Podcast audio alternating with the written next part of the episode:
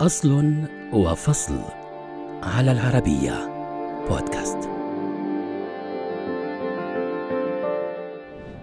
تعود فكرة البرجر إلى القرن الأول الميلادي حيث ابتكر الرومان أول طبق يشبهه وكان عبارة عن طبق من اللحم المفروم والصنوبر والفلفل ونكهات من النبيذ والثوم لكنه تطور مع مرور الزمن حتى أصبح رمزاً للمطبخ الأمريكي فكيف حدث ذلك؟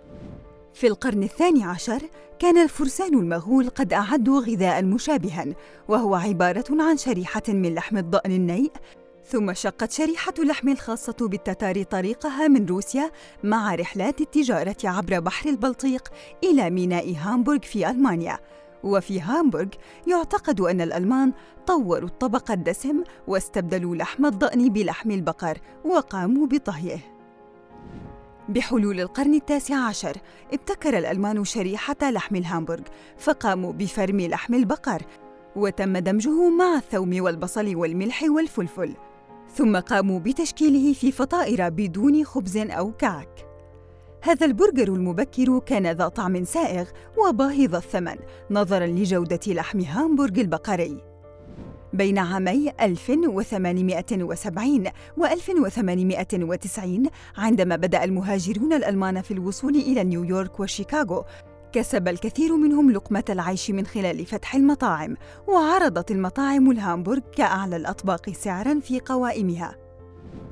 خلال الثورة الصناعية تم تقديم شرائح لحم هامبورغ لعمال المصانع من عربات الطعام ولصعوبة تناول الطعام أثناء الوقوف قام أحد الطهاة المبدعين بوضع شطيرة لحم بين شريحتين من الخبز.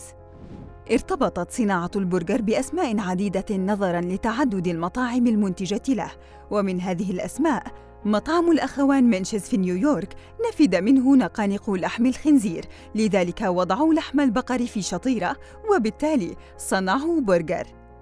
ومنهم تشارلي ناغرين في متجره المعروف باسم هامبرجر تشارلي حيث كان يسحق لحما بقريا بين شرائح الخبز وزعم أنه أول هامبرجر.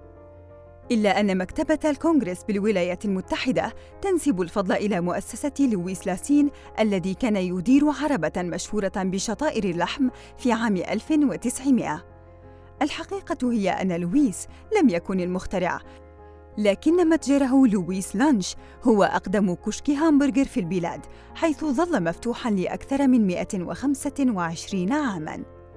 وطوال هذه الفترة لم تكن هناك أي إضافات متوفرة غير البصل، لكن طلب التوابل مثل الكاتشب كان ممكناً.